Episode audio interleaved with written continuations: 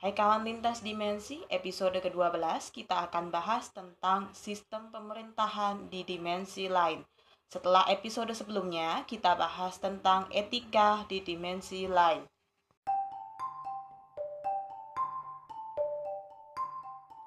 Buat kawan lintas dimensi, terutama yang baru tahu kalau kehidupan dimensi lain cuma sekedar penampakannya serem aja, bikin kaget, atau lainnya, sebenarnya itu hanya sebagian dari mereka aja. Bahkan sekedar kegiatan yang iseng kalau di sini kita bisa sebutnya prank gitu ya. Jadi malah mereka sih dengan kita yang takut gitu kan sampai lari terbirit-birit ketika mereka muncul itu malah mereka ketawa aja gitu. Karena namanya juga kegiatan iseng tahu sendirilah kayak apa. Yes, itu buat hiburan bagi mereka. Jadi ketakutan kita malah buat hiburan bagi mereka. Selebihnya ya mereka punya kehidupan normal lah layaknya makhluk hidup itu seperti apa. Jelas mereka ada yang kerja ada yang sekolah ada yang belajar khusus dan mereka juga punya sistem pemerintahan seperti manusia. Kenapa saya bilang seperti manusia? Karena tidak sepenuhnya uh, mirip ya.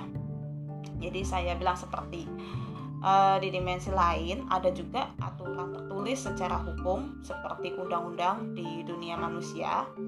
Ada sistem keamanannya juga ada penjaga uh, lintas pulau gitu kan. Kalau kayak kita kan ada yang penjaga tuh di pelabuhan gitu di bandara. Lah mereka pun sama. Ada juga penjaga-penjaga yang semacam itu. Lalu ada juga yang sistem keamanannya uh, polisi juga ada tentaranya pun ada gitu. Karena kan nggak mungkin lah di sana tuh nggak ada pelanggaran hukum itu pastinya ada. Di mana aturan dibuat ada deh pelanggaran hukum itu. Bisa aja terjadi kayak apalagi nggak dibuat sebuah peraturan gitu ya.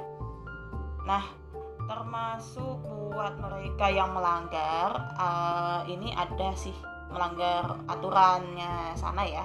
Ada sih sebetulnya hukumannya ada yang dipenjara ada yang tidak mendapatkan akses e, misalnya dia harus lintas pulau ya dia nggak bisa lintas pulau atau ya macam-macam lah. Tapi kalau yang saya tahu memang hukuman mereka adalah penjara tapi kalau yang tidak mendapat akses sampai dengan keluar pulau saya belum tahu sih. Ini ini dari cerita orang aja. Saya pernah dengar ini Nah, kalau soal aturan ini ada juga loh sebetulnya mereka itu membuat satu aturan khusus di mana mereka tidak boleh mengganggu kehidupan manusia. Jadi tidak boleh masuk terlalu dalam ke dalam kehidupan manusia bahkan termasuk mencampuri urusan manusia pun mereka nggak boleh itu ada aturannya. Kalau ketahuan dari pihak keamanan mereka, mereka bisa ditangkap gitu. Nah, lalu bagaimana dengan sistem pemerintahan? Nah, ini dia. Kalau di dunia manusia itu kan kita tahu ya sistem pemerintahan ada yang demokrasi, ada yang uh, apa? kerajaan, masihan atau sultanan atau apa gitu. Kita bisa sebut gitu kan. Dan ada juga di sini seperti presidennya, ada DPR-nya, terus kalau ada juga kan yang masih menganut raja, sultan, perdana menteri juga. Nah, kalau di sana itu seperti apa? Jadi kalau di dimensi lain mereka malah lebih ke kerajaan. Dan pemimpinnya tentu raja dan beserta jajarannya ya. Jadi mereka justru meng menganut sistem kerajaan sampai dengan saat ini. Karena ya itu sudah lama sih sebetulnya sistem kerajaan itu. Dan mereka apakah terus ada niatan ah mau mengganti ah sama ini? Enggak juga. Mereka tetap menggunakan sistem kerajaan itu. Dan bisa dibayangin aja dalam satu pulau misal aja ya saya contohin di satu pulau Jawa aja setidaknya entah udah ada berapa kerajaan gaib kalau kata orang kan tak ada kerajaan gaib baik yang diketahui maupun yang tidak diketahui. Bayangkan sekian banyak ya kerajaan. Dan kalau dibilang apakah mereka itu uh, ada yang mengadakan rapat gitu. Kayak kita kan ada tuh rapat tahunan atau uh, misalnya membahas tentang bagaimana nanti tentang masyarakat atau apa dan sebagainya gitu kan di sana pun ada semacam itu. Karena itu kan dilakukan untuk uh, kelangsungan masyarakatnya di sana juga ya. Juga sekaligus negaranya gitu kan bisa jadi ada yang mau nyerang nah otomatis ya tetap dilakukan rapat besar-besaran. Karena untuk melindungi masyarakatnya atau melindungi rakyatnya yang tinggal di kerajaan itu. Nah setelah ini uh, setelah jeda ya saya akan cerita lagi tentang gimana sih secara simpelnya hukum di tempat mereka itu bekerja itu ini secara simpelnya aja ketika mereka melakukan sebuah pelanggaran dan pelanggaran itu ada hubungannya dengan manusia oke okay? Di stay tune ya pokoknya tetap aja deh di podcastnya lintas dimensi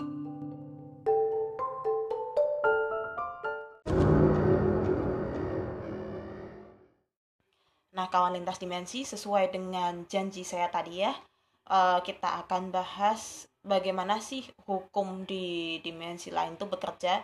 Ini saya contohkan dengan kasus yang biasa kita tahu ya. Dan saya lebih ambil kasusnya ini contoh dari santet aja. Kenapa saya pilih kasus ini? Karena tentu kita semua sudah tahu bahwa santet itu sendiri tentunya melibatkan makhluk dari dimensi lain sebagai perantaranya atau kurirnya untuk mengirimkan santet ini. Jadi gini kawan lintas dimensi. Uh, jelas seperti yang saya sebutkan tadi ya, bahwa yang namanya aturan di dimensi lain itu mereka memiliki aturan tersendiri bahwa tidak boleh mengganggu manusia dalam hal apa pun dalam hal apa pun di dalam kehidupan mereka. Jadi uh, apa sih maksud konteks mengganggu kan? Dari dalam artian mengganggu ya tentu saja membuat manusianya tidak nyaman. Itu sudah aturan yang sangat jelas di dunia mereka dan mereka sendiri pun tahu. Meskipun entah yang pura-pura nggak tahu atau bilang bahwa uh, nggak pernah ada aturan itu dan sebagainya padahal sebetulnya aturan semacam itu ada. Ya namanya ya sama deh kayak kita kan kita ngeles gitu kadang ipa saya nggak tahu tuh ada aturan gitu padahal tahu gitu kan. Nah karena saya ambil contoh kasus santet kan begini.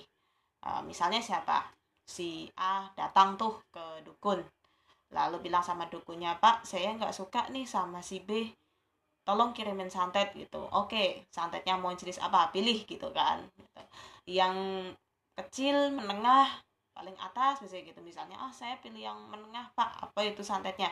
Bikin dia jadi kayak orang biduran gitu. Nanti bintik-bintik semua suatu badan. Panas nih oh boleh gitu ketika si dukun sudah menyanggupi si orang yang meminta sudah menyanggupi maka dilakukan prosesi oleh si dukun itu kan nah saat prosesi itu penyakit ini gitu kan anggaplah penyakit biduran ini kemudian dibawa oleh si makhluk yang menjadi perantara. Nah, makhluk ini yang akan menghantarkan penyakit ini ke si target gitu kan.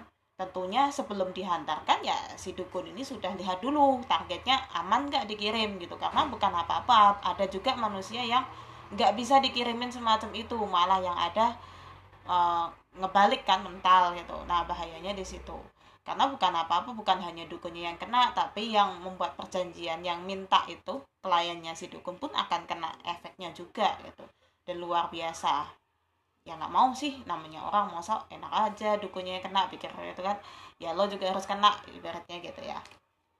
Nah eh, ketika makhluk ini sudah ngirim kena kan dan ternyata eh, kena juga ada efeknya yaitu nah saat si orang ini mencoba untuk berobat sampai dengan dia mungkin sudah pasrah ya sudah uh, ke dokter mana pun nggak sembuh atau apa akhirnya kan ke bisa kita bilang tabib atau healer ataupun pak ustadz pun boleh gitu kan. Dan di sana ternyata diketahui gitu bahwa penyakit ini adalah kiriman alias santet maka si yang hal yang pertama yang dilakukan tentu dong pertama ngusir si makhluk yang sudah nganter karena dia tidak hanya nganter aja loh dia nganter tapi juga dia berdiam di situ gitu supaya penyakit itu terus gitu. Jadi benar-benar menyiksa manusia itu biar nggak bisa ngapa-ngapain lah gitu dengan penyakit itu sesuai dengan request intinya gitu kan. Dia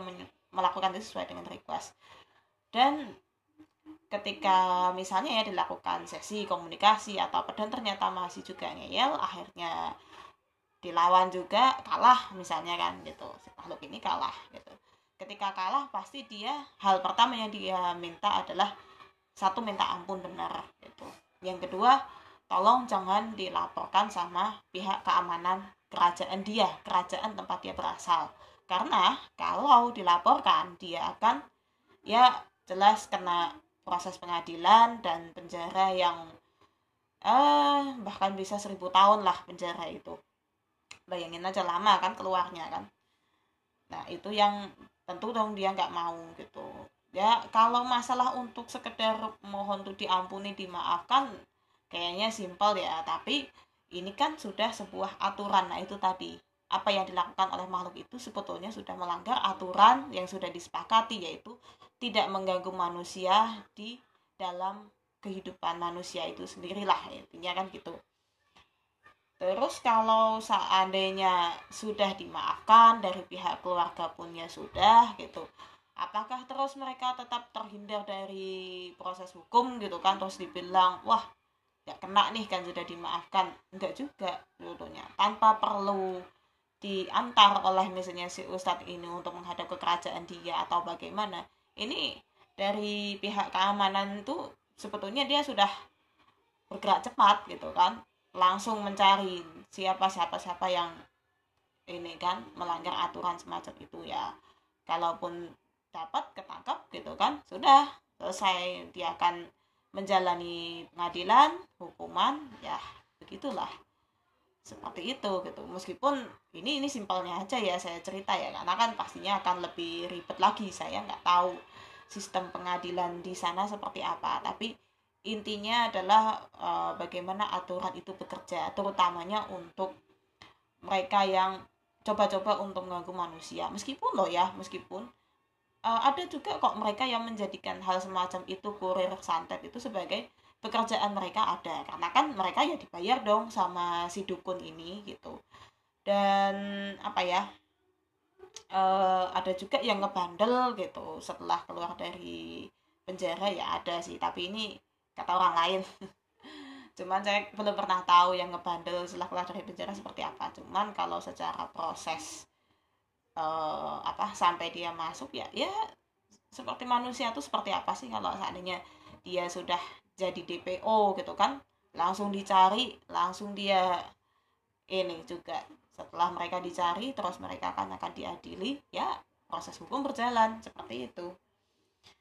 Ya jadikan kawan lintas dimensi juga tahu bahwa uh, mereka pun sebetulnya punya aturan. Mereka nggak asal-asal aja hidup nggak hanya sekedar seperti yang kita tahu selama ini ah hanya penampakan aja. Nggak. Mereka tetap punya aturan punya kerajaan punya sistem juga. Bahkan ya bisa jadi lebih lebih lah dari kita gitu kan sistem itu. Karena kan jelas ada perbedaan ya. Sistem kerajaan yang mereka anut dengan sistem kerajaan yang masih ada di dunia manusia oke seperti itulah sistem pemerintahan dan secara sekilas ya bagaimana cara hukum yang berlaku di sana. Dan saya contohkan seperti kasus santet tadi.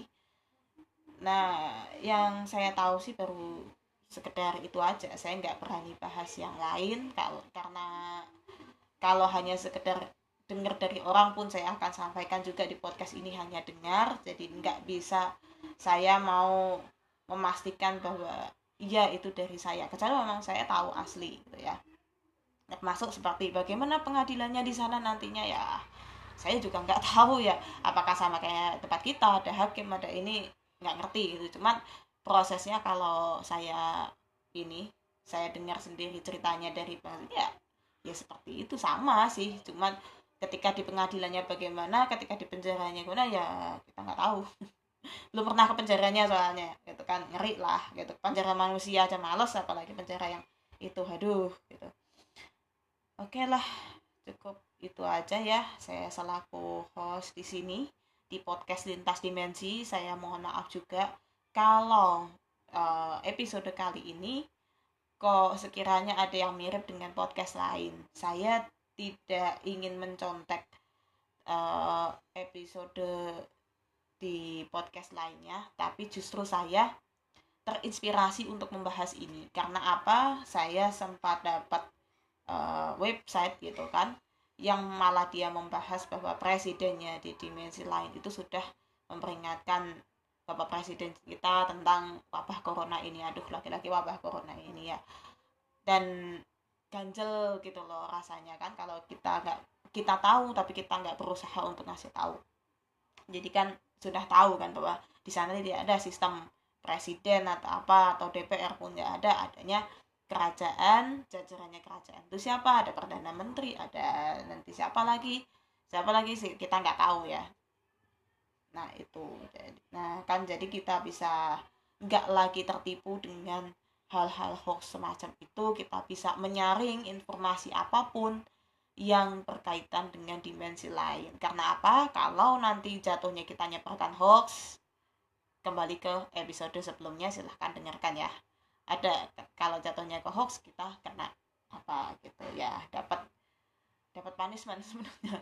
Bukan dapat reward ya. Enak dong kalau dapat reward nyebarin hoax dapat reward aduh.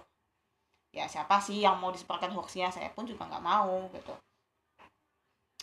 Uh, podcast ini juga sudah melalui seleksi dari Bang Zen jadi saya tidak uh, menambah-nambahkan lagi sudah cukup sekian ya. Oke deh saya rasa ini bisa kita akhiri ya untuk yang episode kali ini. Ditunggu untuk episode berikutnya. Stay tune ya kawan lintas dimensi. Semoga podcast ini membawa wawasan baru bagi kawan lintas dimensi untuk lebih mengenal tentang dimensi lain gitu. Jangan takut jangan merasa minder tapi kalau kita mau kenalan oke. Okay, tapi kita nggak boleh juga sok tahu. Oke okay, cukup sekian ya. Mohon maaf jika saya ada salah kata di podcast kali ini. Salam